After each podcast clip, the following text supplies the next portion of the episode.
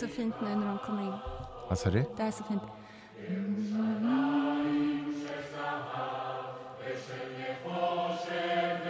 Vad är det för språk? Hebreiska. Som vi talar flytande. Något. Okej, vad är det vi hör, Vicky? Det är en judisk hymn. Vad sa du? En judisk hymn. Vi pratade ju precis om Avina Malkeino som är en annan judisk. Jag vet, det är det som var så märkligt att jag tänkt spela den här och sen så Ja. valde du en annan. jag på den. Så satte du på en judisk hymn och sa kan vi inte ha den här? Och jag bara nej. Så satte jag på en annan judisk hymn. Ja, det är perfekt. Nu har alltså den Hur här mår podd- du, Victoria Larm? Jag är ehm, lite uppluckrad på ett positivt sätt. Mm. Jag är eh, lite sårbar, och, Mhm. eh, men inte eh, orolig. Det tycker jag är en väldigt härlig kombo, att vara sårbar utan att vara orolig. Mm. Jag är lite hudlös, som jag alltid blir när vi har haft väldigt mycket, du och jag. Och vi har haft, framförallt när vi har umgåtts med mycket människor. Vi har haft galet mycket, ärligt talat, Ja. senaste dagarna. Ska vi bara summera? Vi hade i lördags goda vänner som firade bröllopsfest hos oss. Kan vi inte bara skåla först? Jo, det ska vi. Det här ska bli så gott. Skål, Jag höll på att säga puss. puss, champagne. Champagnepuss. Ja, vi hade väl 80 plus personer hos oss i lördags. Väldigt, väldigt rolig fest. Eh, men man var eh, förstås eh, Inte en smula trött efteråt. inte i toppform. Och sen på söndagen så hade ju du och jag vår livepodd på Cirkus. Eh, otroligt bra gick det. Helsike vilket samtal. Och vilken kvintett vi utgjorde tillsammans på scen. Ja. Eh, ska vi se? Ja, nej, vi har redan sagt vilka de är. Gustav Söderström, Anna Jansson från Nationalmuseum, Gustav Söderström från Mm. Spotify, eh, forskningschef och eh, Ulf Danielsson, teoretisk fysiker, professor. Det kommer ju som en Gyllene grenen poddspecial, så vi kommer ju lägga ut den som en podd också ljudmässigt. Men den spelades ju in inför publik Mm. i Cirkusrestaurangen. Det var så oväntade vändningar som det samtalet tog också. Eh, Anna som eh, är katolik och Ulf Danielsson som är naturalist. Till och med, han kallar sig till och med fysikalist. Ja, visst. Mm. De var ju ensam allt, hela Mm. tiden. M- t- eh, Mot Gustav då, till viss del.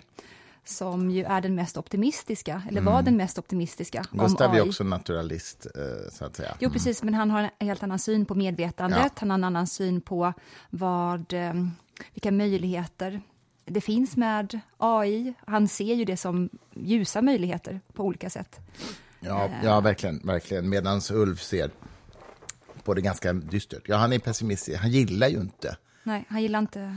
en del av de utvecklare. Han, han ska ju förstås få tala för sig själv i podden, så vi ska inte kanske säga Ni kommer få höra. tillskriva honom åsikter. Men det är ändå lite kul, för både han och jag har ju en eh, sekulär livsåskådning, men jag ju, han, han är mer materialist än vad jag är, tror Ja, jag. absolut. Eh, och det är lite roligt, för att vi... I, i, må, många som gör en grund... Som gör en som ytligt betraktar våra livsåskådningar skulle säga att de är lika, men om man gräver lite så är de inte helt lika. Men det kanske vi kommer in på sen. Men det är i alla fall det är, det är lite kul. Um, Ulf är en fantastisk, tycker jag, pedagog. eh, Liksom, att tala om fysik, som ju är hans ämne, och att, ehm, att liksom pedagogiskt förklara ganska komplexa fysik. Det är du med bra på, Ja, men han är ännu bättre. faktiskt. Men han är professor, Men- det är inte jag. Men jag tänker att vi ska faktiskt eh, dra på lite grann här. Jaha. Vi... ehm, Men du, det här ja. var i söndags. Jo, precis. Och då tänker jag att Mm. jag tar över nu och berättar vad vi gjorde i måndags och idag.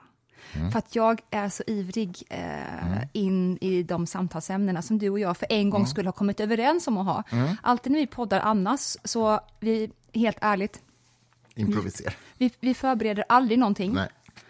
Jag vet inte vad du ska prata om Och det vet ju inte du heller. och tvärtom. Och det är det som jag tycker... Jag vet inte vad jag ska prata om. Nej. nej just det, precis. Nej, det, är, det är och det, verkligen sant. Oj, och det är det som på något vis gör också, tror jag, att vi eh, tycker det är så roligt att göra den här podden Mm. en gång i veckan. Många som frågar oss hur ofta vi släpper den eh, häpnar ju lite över att vi gör det en gång i veckan. Mm. Men Då, det är ju ganska många som gör det faktiskt. Men det kan vi ju göra just därför för att vi bara går på lust. Vi pratar Mm. True. bara om sånt som vi vet triggar oss Mm. i en eh, lek, du och jag. En intellektuell lek. Mm. Eller sant. bara en löjlig lek ibland. Det är också kul. Ja, vi tramsar också. en Jag är lite löjligare än du. Nej, Eller? försök inte. Jo. I alla fall tillbaka till vår vecka då. Eh, I måndags hade vi massa möten, hit och dit, in i stan, en Men, miljard saker. Mm. Men en bra kväll, eh, avkoppling. Ja, Mm. vi åt is. Förlåt att ni behöver nu gå in i, i min nostalgi över min gårdag. Men vi åt ismat och jag kliade dig i håret jättelänge i soffan. Det är så mysigt. Vi såg på massa... Det gör jag Oj, oj, oj, varje vad det här blir Ja, privat, det blir ja. väldigt privat. Fast så konstigt är det Och inte. såg, eh, faktiskt såg lite bra film bara, bara kopplad av. Det var väldigt skönt. Men vad har du gjort idag, Vad Victoria jag har gjort idag, vad har Mm. du gjort idag? Ja, jag var medföljande. Medsörjande. Medsörjande. Skyll inte, blanda inte in mig i vårt förhållande. Klassiker. Gör roll, va? Va? Gör roll kommer Ja, det ifrån. precis. Mm. Dalle. Ehm, precis, vi hade ju då Plaza Magasin som kom hem till oss och gjorde hemma hos-reportage om ditt liv, om mitt Mm. Liv, om ditt vårt liv, älskling, liv, för om det är du vårt som ska hem. släppa en bok. Så, som sagt, jag var medföljande bara. Men, så eh, gulligt, jag älskar när du, ehm, som jag skrev på Instagram också, det var så himla mysig stund då du började berätta om min barndom. För du vet om att jag också är så blyg med vissa saker. Mm. Så att då, och då inser du att men det här måste ändå med. Så att då berättar jag för journalisten Ja. om Victoria för istället. du vill inte berätta om hur konstig du var. Nej, men det var inte så snällt. Det är det du gör, du berättar det och så skrattar du sen Mm, för dig det- själv. Nu kommer alla få veta, tänker du. Ja, Det här ska ut. hur konstig du faktiskt var som barn. Ja, men det är jätteroligt. Men det är ingen fara, du är lika konstig nu så det är lugnt. Alltså, är det så här det blir av att vi ska prata om Gud? Ja, men du, ja precis. Du har ju hällt upp champagne. Framspelle. Och, och, så, så Vad ska var. guda oss hit och dit. Med champagne. Skål igen. För ovanlighetens skull faktiskt. Jaha, gud säger du. Gud och andra orsaker som eh, Ulf Danielssons bok heter, eller vad Mm. heter den? Ja, det heter så. Andra orsaker Om än vadå? kausalitetsbegreppet. Ja, det är om kausalitet såklart. Just det. Och som är en bok som egentligen inte handlar om Gud, men det är lite roligt att han, han är jesuit, så det är klart han var, har med Gud. Att han inte kunde låta bli. Precis. Faktiskt. Men du, Mm. jag tänker att vi strukturerar upp det här samtalet Mm. med att vi pratar om gudsbegrepp. Vi hade, varför vi pratar om det här idag är för att jag och Christer satt och åt lunch utomhus i solen. Mm. utanför Lidingö sal- saluhall. Så började vi prata som vi alltid gör. Och eh, jag märkte när Christer började glida in på min inställning på min relation till Gud och olika gudsbegrepp då såklart, så kände jag att jag vill verkligen prata med dig om det här i podden. Det har ju verkligen ändrats det där för att när du och jag blev tillsammans, då ville jag inte prata om det med dig heller. Jag ville inte prata med någon om det. Och jag eh, har ju gått från att säga till dig, jag kan prata med dig om det, men jag vill inte prata med någon annan om det, till att känna att jag är i ett säkert rum nästan var som helst bra. när jag pratar om detta. det är nu jag kommer ut som full-blown Jehovas vittnes. Sånt Precis, det, det, det, det, är nu jag får veta att du egentligen är Jehovas vittne. Ja, precis. Eller mormon. Och att jag har Liksom. skrivit in dig också, utan Ja, ditt, med precis. ditt bank-id. Kollektivanslutning. precis. Nej, men så jag tycker att det här ska bli väldigt, väldigt roligt och jag ser fram Kan emot... bli en lång podd. Ja, det kan det bli. Att det ska bli utforskande. Och jag vill att, eh, om jag ska berätta om mina ambitioner med detta, så är det att jag så mycket som möjligt ska stå i ett mentalt och känslomässigt läge utav att det också är utforskande även för min del att få lära känna mig själv. Jag ska alltså märka saker med mig själv under samtalets gång som jag förhoppningsvis inte har lagt märke till tidigare. Ja, det är en min kul ambition. ambition. Mm. Du kommer att behöva fylla på champagnen sen, vill jag bara säga. Men det kan vi ta senare. för, det här kommer att bli en lång podd. Trevligt. Eh, så ska vi börja prata lite om olika gudsbegrepp innan vi går in på det mer personliga. Det kan, ja, det kan vi göra. Som vi gjorde vid lunchen.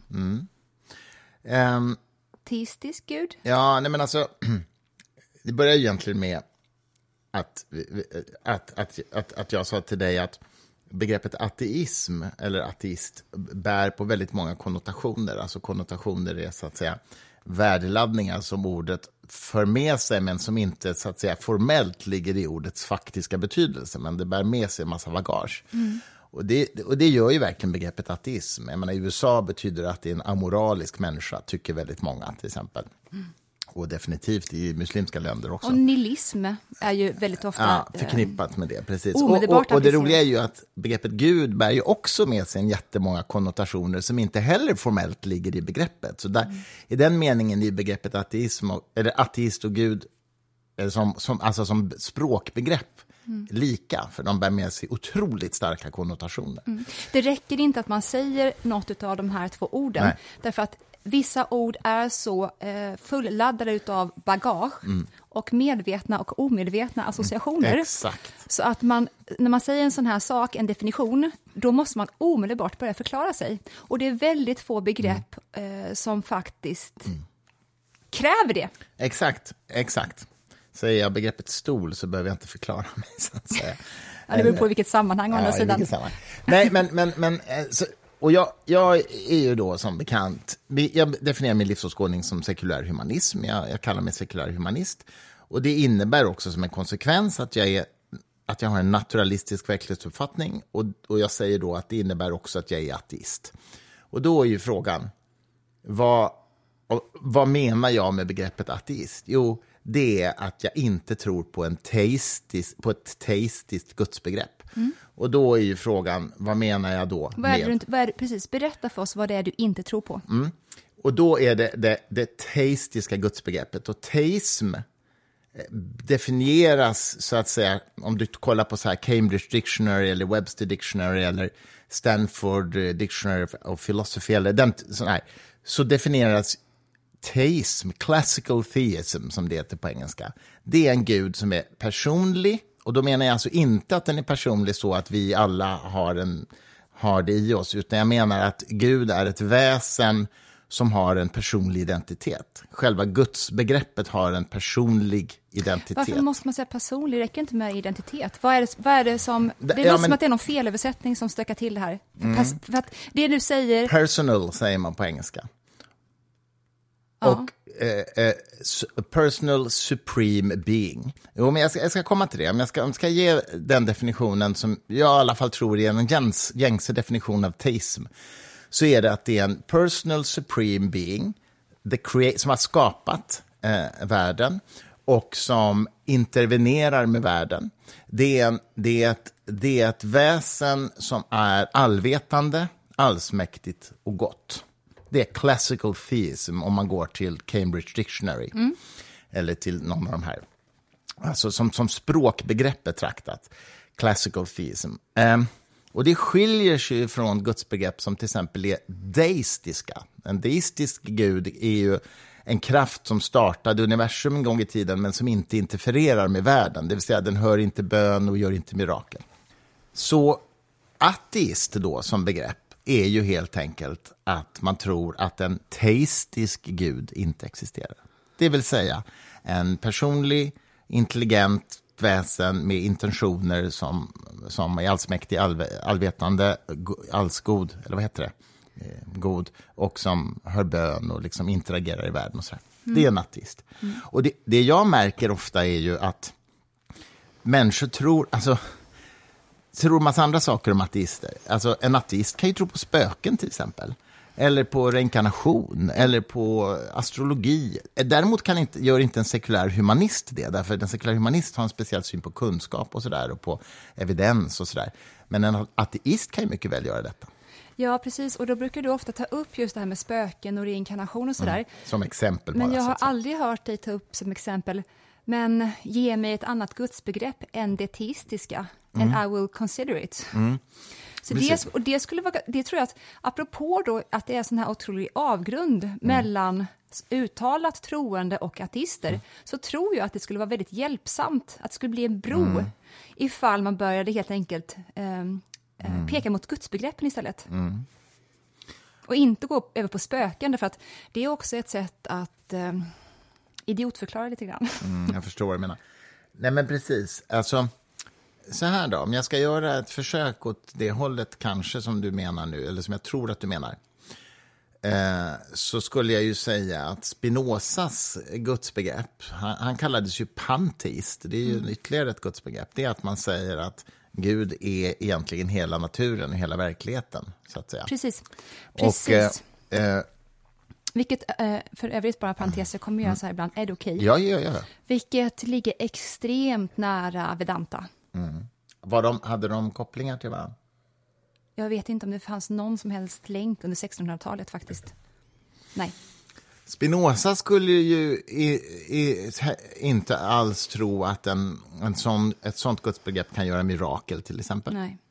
Eh, inte hör bön. Alltså, du, kan, du har ingen liksom du interagerar inte med det Jag vet inte om han skulle gå... Tror jag. Hör bön. Det är en sak, det, det där måste man också vara väldigt noggrann med. Det är en sak att höra bön och mm. en annan sak att agera på bön. Mm. Eh, därför att väldigt många tror ju att Gud hör bön och det ger en klarare perception inför mm. min nuvarande situation. Det ger mig en klarare perception. Du menar hör bön utan att den behöver agera på det? På ett, alltså på, ett, på ett mirakulöst ja, sätt. Men mm. att höra och agera är olika saker. Mm, jag förstår. Jag förstår. Uh, jag förstår, precis. Så Spinoza skulle förmodligen kunna gå med på att Gud kan höra bön, men han bryter in, eller det, det bryter inte in och uh, delar, jag, delar haven. Ja, jag förstår, men jag tror inte att Spinoza skulle gå med på det. Därför Spinoza tänker inte att det finns en intentionalitet i gudsbegreppet. Alltså det är inte, mm. det, det, är inte en agens. Ja, det har du verkligen rätt i. Jag backar. Uh, utan det, det är liksom naturen. Va? Och, natur, och naturen tror jag på också, så att säga. Men naturen, det han menar ju verkligheten. Ja, just det. det att... Allt som finns menar han egentligen. Ja, men precis. Så mm. det är inte bara träden, utan det är ju också kos mm. kosmos. Kosmos, absolut, absolut. Han menar allt som finns. Han inkluderar i naturen universum, så att säga. Mm. Och, och då kan man ju, så att säga, det, då kan man ju väldigt lätt säga att, det, klart, det tror jag också på, så jag tror att allt det finns. Så i den meningen tror jag på Spinozas Gud. Men jag som sekulär humanist kallar inte det Gud. Mm. Därför att, och varför gör jag inte det då? Jo, därför att eh, Gud, ordet Gud har med sig konnotationer som inte jag eh, tror på. Så att säga. Eller som du, och som du inte tycker är användbara i Nej. samtalet. Och som jag tror, tycker dessutom så att säga, är negativa. Ja, precis. Destruktiva. Destruktiva. Men, men, men jag kan också säga, jag kan sträcka mig ett steg till, tror jag nog, och säga så här att ta då det deistiska gudsbegreppet, alltså tanken att det finns en, någon för oss okänd kraft mm. som startade universum. Mm. Skulle jag kalla mig ateistisk till det? Nej, det skulle jag nog snarare kalla mig agnostisk till.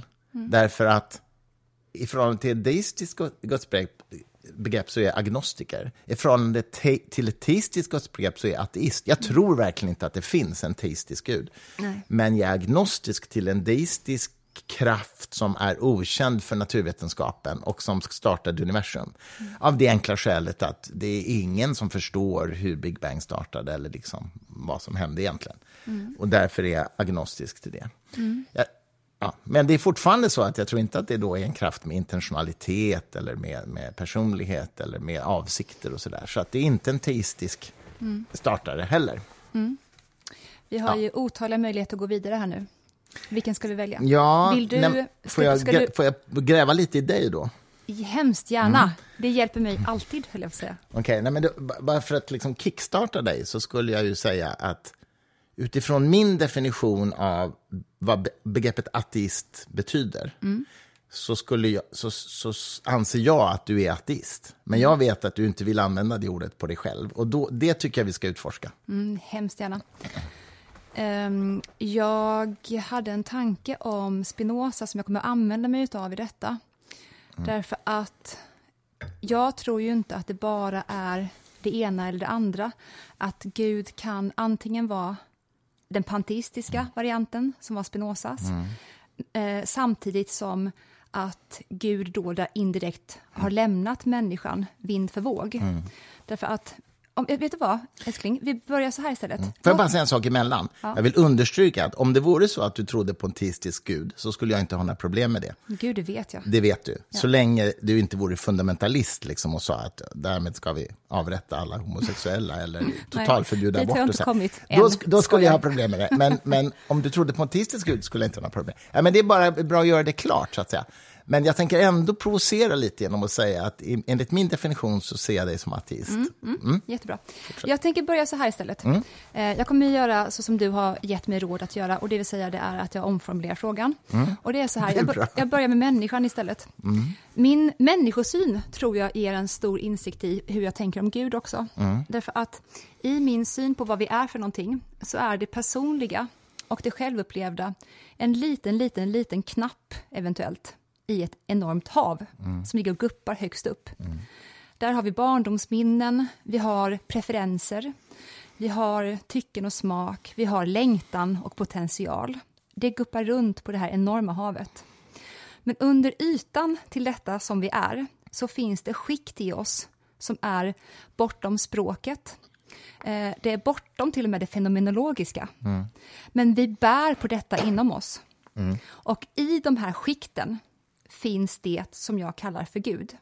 Och genom att vi då eh, försöker så gott vi kan hantera oss själva, navigera mellan vilja, tanke, önskan, så kan vi, och hantera vår perception tror jag på ett sånt sätt, så att vi faktiskt kan eh, leva och röra oss som någonting mer än själva knappen. Jag blev otroligt berörd första gången som jag förstod berättelsen om Noaks ark. Och att Noak var en man, beskrivs det i Bibeln, som alltid hade gått med Gud. Och det gör att jag kan börja gråta nu med. Därför att vad som händer då när den stora katastrofen kommer, det är att han förstår vad han ska göra. Man skulle kunna omvandla det till ditt språk och säga att Noak var en man som hade levt väldigt nära sig själv. Med andra ord förstod han, snabbare än alla andra, vad som var det nödvändiga. Och rätta att göra. Exakt. Han hade levt på ett sånt sätt som inte skadade andra. Han hade levt i närkontakt med sina alla olika djup. Och det gör att du förstår bättre hur du ska handla i situationer. Och det är precis så som jag tror att det är också. Om vi inte bara tror att vi är den här knappen på det stora havet, utan att vi faktiskt vågar utforska de här skikten under oss och hur de försöker kommunicera med oss också, så gör det att vi i varje given livssituation vet bättre hur vi ska parera, agera eller absorbera. Och eh, då är då frågan, okej, Victoria, om du tror, jag älskar att jag börjar fråga mig själv frågor nu istället. Nej, men jag lyssnar. Okej, men om du då tror att Gud är alla de här skikten i människan, k- kanske ett, kanske alla, kanske går det inte att dela upp det på det sättet som en upplysningsfilosofisk maniker. Det kanske inte går att dela upp det. Låt mig bara slutföra. Eh, är det så då, Victoria, att du tror att de här gudsskikten som du kallar det för, ehm, finns utanför människan också? Ja, det tror jag. Och då vill jag också säga, för det är ofta en fråga som, som du och jag hamnar i, jag säger då ibland till dig, utanför vad? Vad är vi för någonting? För om vi zoomar in på oss, vi består så mycket av mellanrum, vi kan inte hitta psyket inom oss. Nej. Eh, jag kan inte, min kärlek till dig, som finns, som är så riktig och levande, den kan du inte hitta heller. Men ifall jag skulle zooma in på din hud just nu, Mm. du är mellanrum till största del. Har Utanför, va, utanför vad? Men, men, eh, För, okej. för mig finns det nästan ingenting som är utanför och innanför. Jag vet att jag inte har dina tankar. Det är en gräns som vi har. Jag vet att månen som jag ser där, där uppe på himlen, jag vet att den ligger bortanför det som ser, absolut. Men är vi ändå fortfarande i ett? Men eh, okej, jag har en fråga nu. Det här väcker massa, egentligen massa frågor, men jag måste börja i någon ända. Och då är det så här. De här skikten som du beskriver, som du tänker finns inom oss, som är mer än vårt liksom medvetna, eller hur? Eh, det, det, jag tänker ju att de, jag tror nog också de finns, alltså i någon, i någon mening finns de. Eh, men jag skulle inte kalla dem gudsskikt. Nej. Eh, Men däremot skulle jag ju kalla, vara beredd att säga att de nog finns. de här skikten. Eh, I den betydelsen alltså att de har inverkan på vår existens, så att säga. Men jag skulle kanske då kalla det psykologiska skikt, eller jag skulle kalla det... mm, här, det här är bara första steget. För att, men, men, men, men är du med på vad jag menar? Så min fråga är egentligen så här. Varför kallar du dem gudsskikt istället för att bara säga att de existerar, de här skikten som du tror? Som jag kanske är agnostisk till om jag tror eller inte. Men, men vi, du tror de finns. Varför kallar du dem gudsskikt? Du och jag har en väldigt um, skilda relationer till vad språk och ord är för någonting. Eh, språk är för mig ljud som skapar en resonans i mig. Det är ungefär som att man slår på en sträng och sen skapas det vibrationer i mig.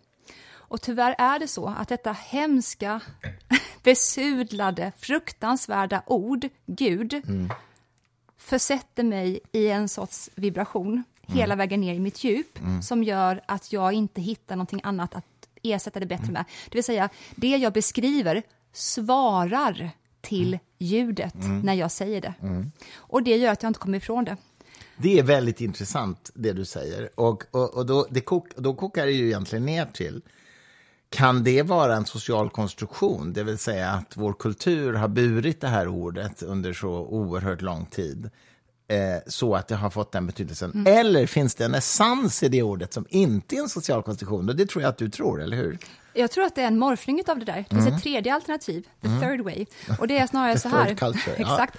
Eh, I min darwinistiska evolutionära syn på människan så är det så, tror jag, att de orden som väldigt väl eh, stämmer överens med det vi siktar på, för att ord är ju egentligen bara en form av eh, pilbåge. Vi siktar mot ett mål eh, som då ska Ordet ska beskriva någonting som är bortanför ordet. Det är det jag menar. Och jag tror att det är så att de orden som misslyckas med att beskriva det kommer sorteras bort. Och jag tror ju inte på den maktanalysen. Det är jätteroligt. Det är liksom en darwinistisk förklaringsmodell. här. Det är ja. skitkul. jag, jag tror verkligen inte att det är så. Min maktanalys är helt, helt annorlunda än Foucault och alla eh, franska filosofer.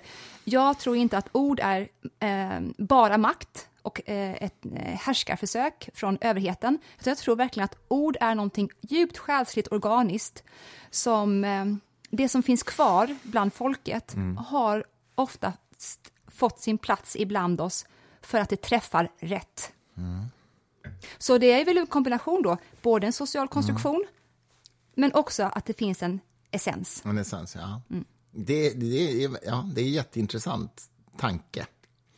Eh, jag, är helt, jag känner mig nog helt agnostisk till det. Och Det beror egentligen på att jag egentligen inte har några bra argument varken för eller emot den hypotesen. För dig är det ju mera erfarenhetsbaserat, tror jag. Du, du känner att det är så. Liksom. Det är ett annat besudlat ord, just det här känner. Ja, jag önskar jag att det fanns Jo, det mycket rikare än så. Eller att man kanske bara ska försöka återerövra hur man använder ordet känner. Ja, jag Men- håller med, det är jättebesudlat faktiskt. Hur känns det? Ja. Nej, men det är... Du, håller ju mycket, du, håller ju, du har ju en stark dragning till kontemplativa traditioner. Ja. Och jag har ju inte såna erfarenheter. Du har ju jättemycket erfarenhet Men vet du vad jag har tänkt, älskling? Nej. Jag tror att jag är på något vis din positiva skuggsida. Och jag tror att du är min positiva skuggsida. Jag tror Okej. att vi är speglingar är av varandra. Och jag tror att de delarna som vi saknar i oss själva, Mm. eftersom vi sitter ihop, nu bör- jag börjar börja gråta igen, men jag sa att jag var Det är hudlös. Du är känslig idag. Ja. Mm. Jag vet hur det är när du har jobbat jättemycket och varit väldigt utåtlevererande. Ja. Mm. Då är du skör och, så, och ser det just nu. Men det är okej, vi kan vara öppna med det. Ja, verkligen. Jag Mm. ser... Jag, det är en... Jag är som menad för dig och du är som menad för mig. Och eh, vi, det är på något vis som att vi är såna perfekta all, olika halvor utav Mm. varandra. Vi står liksom rygg mot rygg, du och jag, i livet hela tiden. Och det som jag saknar Mm. agerar du ut. Och det som du saknar Mm. agerar jag ut. Därför att jag vet på något vis att ut efter den anatomin jag bär på eller den konstitutionen som jag har från allt jag är med arv och miljö så finns det begränsningar i mig som gör att jag kommer inte kunna kliva bort dit. Men det gör du åt mig. Och jag har en djup, djup ehm, tillit till att, och tro på att, och det samma gäller att jag gör det åt dig. vi tar de kliven på något vis åt varandra. Och i den här organismen som du och jag är, för vi sitter verkligen ihop, Mm. så blir det en sån perfekt cirkul- cirkulation av alltihopa. Så att Mm. ehm, jag, jag går till de kontemplativa markerna åt dig och du Mm. går till alla de här som har varit nödvändigt för mig att få ta del av, de rationella markerna med logik och språk och ord. För jag hade inte kunnat sträcka Mm. mig dit, men jag behöver dem också. Det var väldigt fint formulerat. Det, ja, jag, tror, jag tror verkligen att det, att det kan vara så, att, eller att det är så faktiskt. Eh, det, det tror jag. Men låt oss fortsätta utforska de här Gärna. begreppen. Gärna. Därför att jag håller verkligen med dig om att säga att, det, att du känner det, det är, det är egentligen en jättedålig beskrivning av, av det, utan eh, erfar snarare eftersom du faktiskt ägnar dig åt en slags kontemplativ verksamhet ganska mycket, som ju är inspirerad av zen och vedanta och sådär. Och jag tror ju tyvärr, och det är så Och, synd- och katolska mystiker jättemycket. Katolska kyrkan är en stor del också för mig. Ja, jo, så är det ju. Och ehm, det, som, det som är så synd, tycker jag, är att den här folk, vad ska man säga, populärkulturens förståelse av de här sakerna, av, om man säger Vedanta eller Zen, så tror folk att det är så här new age Och det är det ju inte utifrån vad jag menar med new age. Alltså du är så långt ifrån new age man kan komma, utifrån vad jag menar med new age. Eh, men människor tror det, när man, när man hör de begreppen. Är det så? så kan, ja, jag tror det i alla fall. Jag Så kan du förklara... Vad sa du? Jag umgås inte med människor, jag säga. Jag Nej, umgås inte med människor är bäst på bio, som Socker-Conny sa. Socker-Conny Conny är så jävla sjuk i huvudet. In, bara för att lätta upp det lite grann, kan du inte säga någonting mer kul som Socker-Conny har sagt? Eh, Ja, men ja, Socker-Conny går, går till en terapeut för han mår dåligt. Eftersom han, får, han fuckar upp alla jobb han får och blir skyldig mer och mer pengar för att han sabbar saker. Och så går han till en terapeut och så säger han mitt lidande är lika stort som Täby centrum. Det är ganska roligt. Eh, och, nej, jag ska inte dra. Det finns, alltså, det finns grova Tror du grejer att det också, finns många poddar där ute som blandar den här sortens Guds filosofi, språk med Socker-Conny? Ja, men Socker-Conny är ju den mest genialiska seriealbumet som någonsin har gjorts i, i svensk historia. Mm. Han har väl också sagt, med ett schysst järnrör kan man slå hela världen med häpnad. Precis. Med ett schysst järnrör slår man hela världen med häpnad. Det är den exakta formuleringen. Ja, det är riktigt. Det är hans, hans motto. Det är Socker-Connys motto. det var ju ännu roligare innan Sverigedemokraterna approprierade det mottot Verkligen. med den där filmen. Men, men eh, det är ju Joakim Pirinen alltså, som har gjort den här svarta satiren. Mm. Eh, Socker-Conny går på Café Opera en kväll och så kommer kyparen fram och frågar nu, vilket är vin han så vill ha. Då så sjukt. säger han, jag vill ha rödvin med hus på, säger han. Alltså, Nej, med slott på. Nej, hus på. Är det hus? Ja, Okej. hus på. Eh, Rödtjut med hus på. För att då, Hus på att, etiketten ska det vara. för då tänker han att det är finare om det är ett hus på etiketten. Ja. Det är så Alltså, det är så roligt. roligt. Det är så roligt. Eh, nej, men ja, herregud, Okej, hur kom vi in på Jag Socker-Conny? vet inte. Varför? Får jag berätta en sak till? Om Socker-Conny? Socker-Conny. Han, han får tillfälligt jobb på ett eh, lekis, eller vad heter det, förskola. Ja. tar med sig alla barnen till en leksaksaffär där det finns massa gosedjur. Så köper han ett gosedjur, ett stort gosedjur så här. Och så går de ut ur affären och så är det ett av barnen som vill ha det här gosedjuret. Så att Socker-Conny och barnet eh, sliter i det här gosedjuret från två håll. Och till slut går det sönder så fjädrarna yr. Och då säger Socker-Conny, åh det är, det är precis som en tax. Söt utanpå och äcklig inuti. Ja, det är jättegrovt. Förlåt alla, förlåt alla hundägare. Det här- men det det är En sak, en sak som inte kanske, eller ni som har lyft, lyssnat länge kanske har märkt är att Christer är, um, jag är mycket grövre än vad du är, så det räcker att du berättar en sån historia och säger att det är grovt. Det är också, kan inte du hälla upp lite mer? Lite mer champagne. Ska vi komma tillbaka till Ja, vi måste nog som det får oss att faktiskt. För, vi måste det, men jag ska bara hälla upp champagne här. Ja, men Nej, men jag har ju inte, Vicky, jag har ju levt så utanför samhället, så att jag har inte vetat om att när jag har studerat så mycket sen och när jag har eh, dykt ner så mycket i Vedanta. ja, Vedanta, Vad är det? Förklara för lyssnarna vad Vedanta är. Åh, gode gud. Mm. Den du. Ja, men 800 efter Kristus, och det är också en rolig sak. Jag säger efter Kristus, Kristus säger efter vår tideräkning. Ja. Då så eh, kommer den här filosofin i Indien, som i sin tur då såklart är mycket längre. Den är senare än islam alltså, som kom 600 efter Kristus. Ja, så är det. Eh, Men Vedantan beskriver då med hjälp av Upanishaderna eh, de olika verklighetsnivåerna.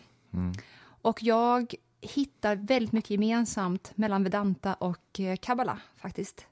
Därför att det är eh, deras system över eh, allting som blivit till och allting, o, det omanifesterades inverkan i det manifesterade. Det här låter jätte, jätte frånstötande, jag förstår det. Men eh, eh, vet du vad, jag, jag byter fråga igen.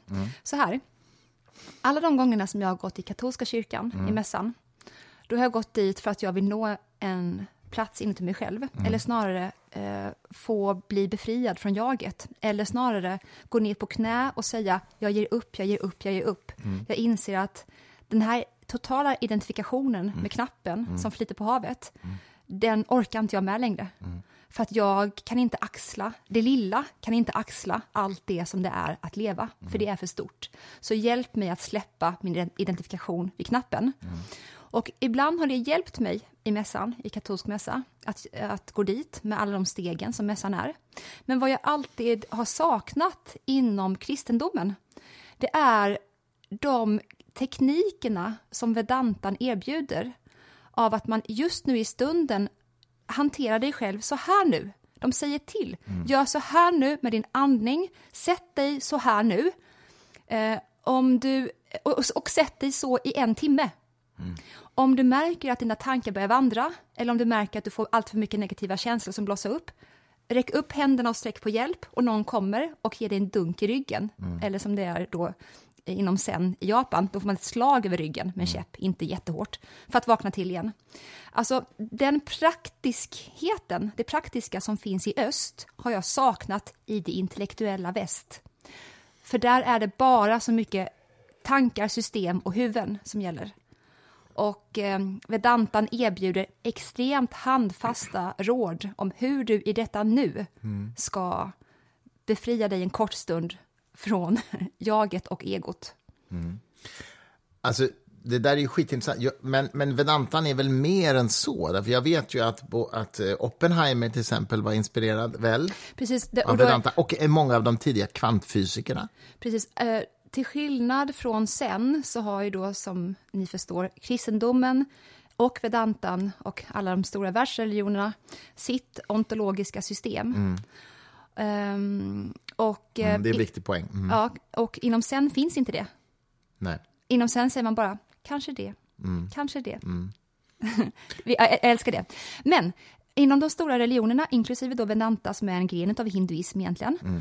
då är det så att eh, många av de fysikerna som finns i världen har, under 1900-talet, som gjort de stora upptäckterna, de har hämtat jättemycket Mm. kunskapsmaterial och fascination från Vedantan, Mm. för att så mycket av det de har förstått har stämt överens. Sen kan man också Inom kvantfysiken framför allt. jag Inom tror inte kvant- Einstein var inspirerad av det, men däremot kvantfysikerna. Ja, tack. Absolut. absolut. Utan Mm. Apropå fysiker på så här, 1900-talet. Mm. Inom den klassiska fysiken, det vill säga Newton och framåt, så är det mycket jesuiter som har varit aktiva Mm, ja. där. Yes. Men inom kvantfysiken och kvantmekaniken, då är det Vedanta. Så det är Mm. Det där är jätteintressant alltså. Eh, precis, exakt. Mm. Och Einstein var nog varken eller. Alltså, ha- han får man nog betrakta som icke-religiös, Mm. helt och hållet. Men, men eh, var det Heisenberg? Nej, det var David Bohm som var inspirerad. Heisenberg också. Mm. Också Heisenberg, ja. Och Oppenheimer. Precis. Och vem mer som vi pratade om häromdagen som väldigt tydligt... Nej, strunt samma, men jag vet att Vedanta fanns med för många av de här. Pasquale Pauli gick ju i analys hos Jung. Pauli. Mhm. Kvantfysikern Pauli, han hette något annat i förnamn. Okej då. Vad fan hette han? Jag kommer inte ihåg. Eh, Strunt samma. ja, Pauli i alla fall. Pauli i alla fall. Just det, han gick hos Jung, ja, det har du rätt i. Pauli som eh, var en av de här eh, i- järngänget i Danmark kring kvantfysikens upptäckt och vagga. Han eh, var svårt alkoholiserad och försökte få hjälp hos Jung. Och gick det. och blev hjälpt. Han var ju en sån här omgångare, eller vad kallas det för? Men du, Stummark, jag tycker vi börjar glida av. Ja, nej, men vi ska, jag är inte klar med dig här. Med mig, alltså här- handlar det här... Ska inte jag... Nej, men jag, jag, jag, jag vill fråga mer Okej. om detta. Eh, så här, uh, Guds, gudsbegreppet som... När du talar om de här olika lagren som du tänker är att konstituerar en människa, men som, in, som inte bara finns inom en människa, utan som också är en del av någon form av metafysiskt realm. Är det så jag ska förstå din grundhypotes? Absolut. Jag tror att allting är del utav... Det här är din eller min? Det, din. det är Mm. min. Jag tror, vi behöver inte söka på Pauli nu. Nej, nej, nej. Kanske klippa bort det här. Kanske. Ja, Ehm, ett, att säga ett metafysiskt... heter han Wolfgang Pauli? Ja, det heter han. Kanske. Jag älskar att du inte kan släppa det. Jag blir galen. Nej, jag- Kan du komma ihåg 45 nu? Ja, ja, jag gör det, jag minns det. Uh, Okej, mm. Att säga ehm, del av ett metafysiskt realm, det är ju då att försöka i den vanliga upplysningsandan att kategorisera och sektionera och dela upp. Jag tror inte det funkar så. Jag Ja, men- tror inte att det funkar så. Men funkar så menar jag. Jag tror inte att det är så som verkligheten är beskaffad. eller, eller du tror inte kanske att det är en fruktbar väg att försöka språkligt beskriva det? Mm. Jättebra. Kanske man skulle Tack, kunna säga. Ja. Men, nej, men jag tänker på det här med Vedanta. Jag är ju...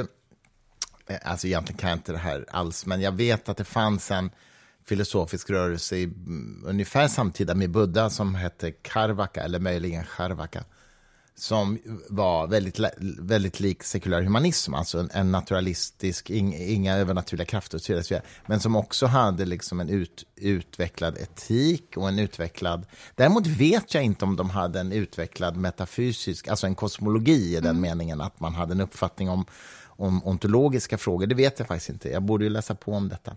Men Vedanta är ju då mycket senare, för att Karvaka var ju då 300-400 år före Absolut, vår tideräkning. I samband med Sokrates och Ja, precis. Confucius. Och, och Buddha. Ja, precis. Det var någonting som hände där. Det, det var no, ja, man brukar ju kalla det för, vad då? Axial, Age. axial age. Ja, precis. Mm. Jag vet att Karin Armstrong har skrivit en bok om det. Jag har Ja, det inte jag. inte läst den, men den finns i, i, i min bok. Okej. Eh, men, det, nej, men det jag funderar på är bara i vilken mån, stäm, i vilken mån stämmer Vedanta med det och i vilken mån skiljer sig Vedanta från det, undrar jag. Det låter som Vedanta har mera livsregler. Nej, Nej. reglerna är nog fel ord. Okej, men livsråd då? Nej, de, de berättar hur de tror att människan är uppbyggd och uppbyggd i kombination med det stora hela. Och sen så har de då tekniker för alla människor som är eh, villiga att lyssna, hur man ska eh, förstå det här. Och inte bara förstå så som intellektuellt förstå, utan eh, att förstå någonting på riktigt i djupet innebär ju att du också börjar ändra ditt beteende därefter. Det är det som är, är eh, grejen. Men om man går tillbaka till det som vi i någon mening har utlovat att vi ska prata om, nämligen gudsbegrepp. Ja, jag tycker att du ska pressa mig också där jag är som ömmast egentligen. Och det är Okej, ju, då gör jag det. gör det. Och jag, jag skulle rekommendera att du gör det med Jesus. Ja, okej, men då vill jag, jag ska börja i en annan ände då. Därför att jag skulle säga så här, utifrån min sekulärhumanistiska uppfattning. Jag sa till dig förut att jag är eh, agnostisk i förhållande till om det finns en okänd kraft som startade universum. Eh, för det är jag verkligen. Jag är helt agnostisk till det. För liksom, det finns inget som talar varken för eller emot en sån okänd kraft. Men däremot så det finns ingenting i min ontologiska eh, verklighetsbeskrivning, eller min hypotes om verkligheten, för det är klart att det är hypoteser hela tiden. Det finns ingenting i min hypotes om verklighetens beskaffenhet som förtjänar att kallas Gud, så som jag ser det. Och då är min fråga till dig så här, finns det någonting i din ontologiska beskrivning av verkligheten som förtjänar att kallas Gud? Och i så fall varför? Eh, jag är ledsen att göra dig besviken, men eh, de ontologiska resonemangen och reflektionerna bekommer mig inte så mycket. Nej, okej. Okej, Jag kan bara svara helt ärligt. Det finns, det är, så fort som vi kommer in på det här så känner jag att jag vissnar inombords. Däremot så lyser jag upp inombords när vi pratar om fysik och när vi pratar om kvantfysik. Eh, Jag tycker att det språkspelet är mycket bättre kring verklighetens beskaffenhet än det du ville göra nu. Vet du, vad, vet du vad, jag gjorde ju en poddintervju igår med en amerikansk professor eh, som håller på med kvantfysik. Han sa, att, han sa ett par saker som faktiskt var, eh, som var eh, mind expanding för mig. Han sa så här, eh, han sa så här, kvantfysiken är ett, det operativsystem som verkligheten har. Och alla fysiska fenomen som vi ser, de är som appar som opererar på det operativsystemet. Fantastiskt. Och det var, tycker jag var så otroligt bra metafor faktiskt. Och så sa han en sak till och han sa så här, i populärkulturen när man beskriver kvant, det här märkliga superpositionstillståndet som kvantpartiklar kan inta, så säger man alltid så här att, att de är, en kvantpartikel är inte exakt, utan den, är, det, den handlar bara om sannolikheter. Att den, är sann, den kan vara antingen där eller där. Det är en sannolikhetsbeskrivning. Vågfunktionen är en sannolikhetsbeskrivning. Och han sa så här, nej, det är inte sannolikheter, det är amplituder.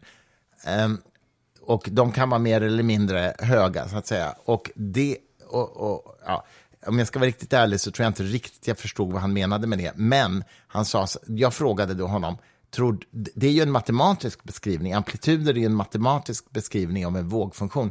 Tror du att de har någon ontologisk motsvarighet i någon mening? Och då sa han så här, ja det här har liksom filosofer tvistat om under, i hundra år. Eh, självklart så måste de ha en ontologisk motsvarighet, det vill säga verkligheten måste ju vara på något sätt. Of course. Ja, men det är helt obegripligt och okänt för oss människor Mm. Det vad det är.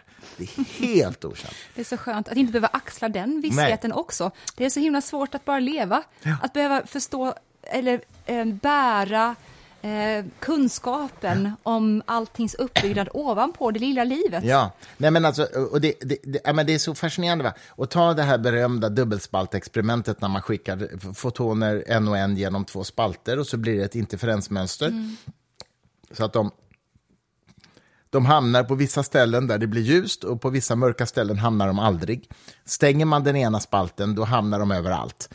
Och, och då, som han uttryckte det, det, det innebär ju att när man minskar alternativen för fotonen att gå, alltså genom en spalt istället för två, då ökar man alternativen var den kan hamna. Och det är ju totalt kontraintuitivt. Precis, och det kanske är någonting som Ulf Danielsson då skulle verkligen skriva under på, att det här, vad vi tror är kausalt.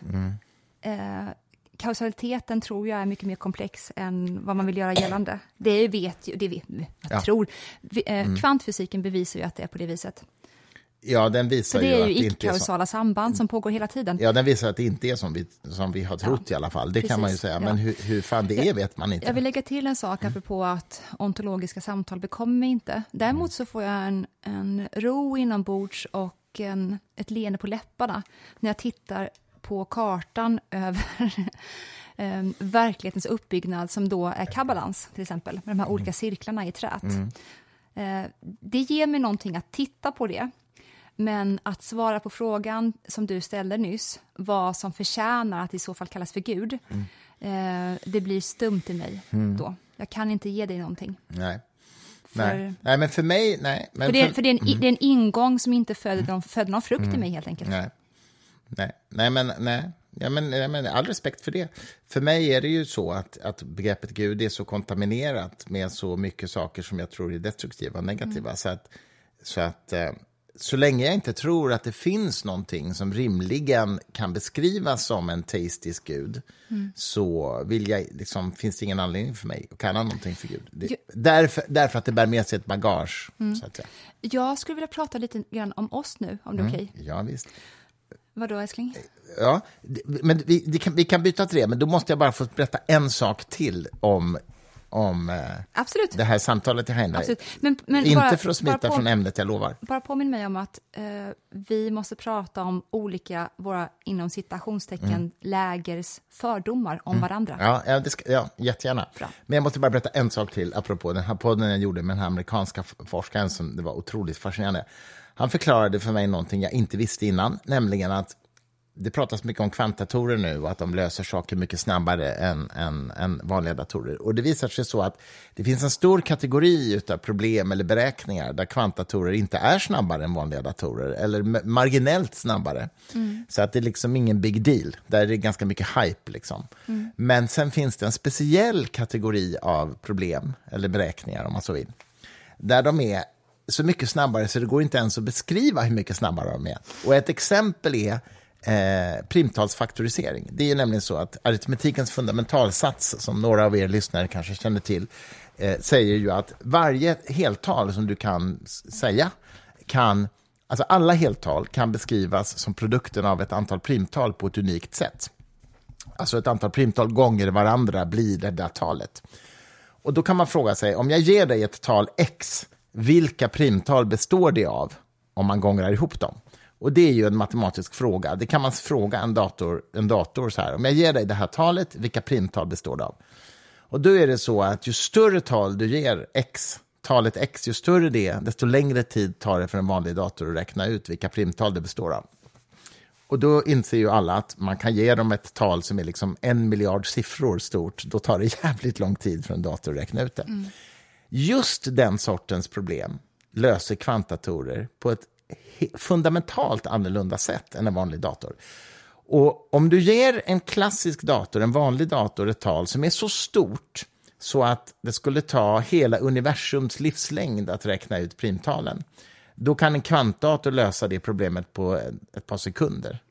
Alltså det, det är alltså det sån skillnad som inte ens går att beskriva i hastighet. Det tyckte jag var hisnande faktiskt, när jag förstod det.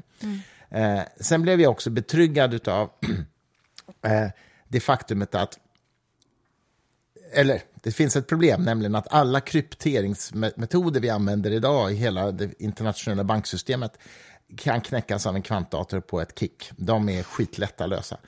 Och det är ju inte så bra, så att säga. Men det som gjorde mig tryggare var att det finns krypteringsalgoritmer som man nu har tagit fram som inte kvantdatorer kan knäcka. Och det var ju rätt bra. Det var skönt. Annars kraschar det. Tillbaks nu till det du ville fråga om. Våra Nej, jag, vill, fördomar jag, vill, jag, om... vill, jag vill verkligen... Jag älskar den här intimiteten som finns just nu. Känner du den? Mm. Så här, innan jag träffade dig Mm. så hade inte jag någon erfarenhet riktigt utav en sann naturvetare Nej. och utav en logiker och matematiker. Mm. Och eh, ska vi... Vill du... Ja, om det finns. Nej, ska jag... Ja. Okej, ja vi pausar bara, så klipper jag bort. Okej då. Vi är tillbaka efter en paus som ni inte märkte att vi faktiskt tog. Nej, vi fyllde på våra glas igen. Och jag kollade upp att han hette Wolfgang Pauli. Det var det fan. Föddes år 1900 i Wien. Ja. Österrikisk fysiker, fick Nobelpriset 45. Mm. Ja. The floor is yours. Ehm, innan jag träffade dig, Mm. så, som jag sa, jag hade ingen erfarenhet av den sortens människor som du är. Naturvetartyper. ja, Skål. ja, ja. Mm. Och det här är så himla fantastiskt därför att du vet, jag hörde i de kretsarna som jag umgicks i Mm. och som jag fortfarande till viss del umgås i, helt ärligt. Jag hörde hur de pratade om er. Vad Om de, vad, de, vad, de, vad de sa om er. Jag hörde vilken ton de hade. Jag hörde vilka fördomar och begränsningar de applicerade på er. Jag hörde Med er menar du naturvetare? Exakt. Jag hörde deras projektioner. Jag svalde aldrig dem helt och hållet, utan jag tänkte så här, jaha, mm, jaha, oj, det finns såna ungefär. Och sen blev jag ihop med dig och du är den, nu börjar jag gråta igen, den själsligt största människan som jag träffat i mitt liv. Det är fortfarande så än idag när jag umgås med de människorna som också är besatta av kontemplativa människor eller utav mystiker så kan det säga saker som att jo, men de där logikerna och de rationella och naturvetarna de är jättebra och nödvändiga i samhället. men de ska inte få bestämma. De har inte en aning om det emotionella kapitalet, och kapital är fel ord. Men de, de själsliga insikterna som finns i detta folk som du är. Jag, jag tror ju att det kanske är fel att dela upp så här mellan vi och dem, för egentligen så är det olika språkspel som pågår. Och eh, jag är övertygad om att det är så. Det är olika språkspel. Och eh, illusionen av ett vi och dem, och det här låter extremt PK nu, är det som håller kriget vid liv och konflikten vid liv mellan konst och naturvetenskap eller mellan de religiösa och naturvetarna. Eh, det är klart att det är så att man har helt olika uppfattningar och eh, verklighetsbilder utav det som vi alla lever och går runt i. Det är verkligen så. Eh, men den syrliga tonen och det nedvärderande som jag har hört det så kallade mina säga om er har jag ännu mer förstått tyder på en själslig omognad från dem. Eh, och, och likadant så kan jag se att när jag har Det finns ju in, i, mitt, i mitt gäng också såklart. Ja. Det, det, spegelbilden av det. Alltså jag har ju träffat sekulära humanister som ehm, har en aff, affekt mot religion till exempel. Ja. Eh, och I många fall handlar det ju tyvärr om att de har vuxit upp kanske i en religiös kontext och tagit skada av det. Eh, och, och kanske framförallt tagit skada av att de har lämnat det.